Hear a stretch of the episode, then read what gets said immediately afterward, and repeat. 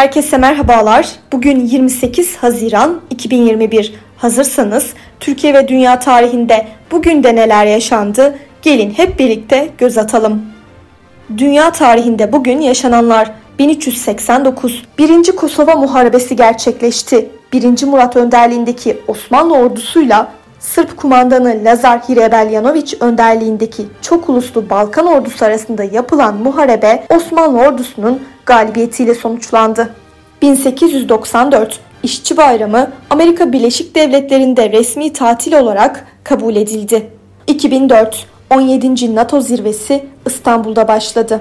Türkiye tarihinde bugün yaşananlar 1862 Tasviri Efkar gazetesi Şinasi tarafından çıkarılmaya başlandı. 1923 Darülfünun Mustafa Kemal'e Fahri Müderrislik şehadetnamesi gönderdi. 2016 İstanbul'daki Atatürk Havalimanı dış hatlar terminalinde silahlı ve bombalı intihar saldırısı gerçekleştirildi. Saldırı sonucunda intihar saldırganlarıyla birlikte 45 kişi hayatını kaybetti, 239 kişi de yaralandı. Bugün doğanlar 1712 İsviçreli düşünür Jean-Jacques Rousseau dünyaya geldi.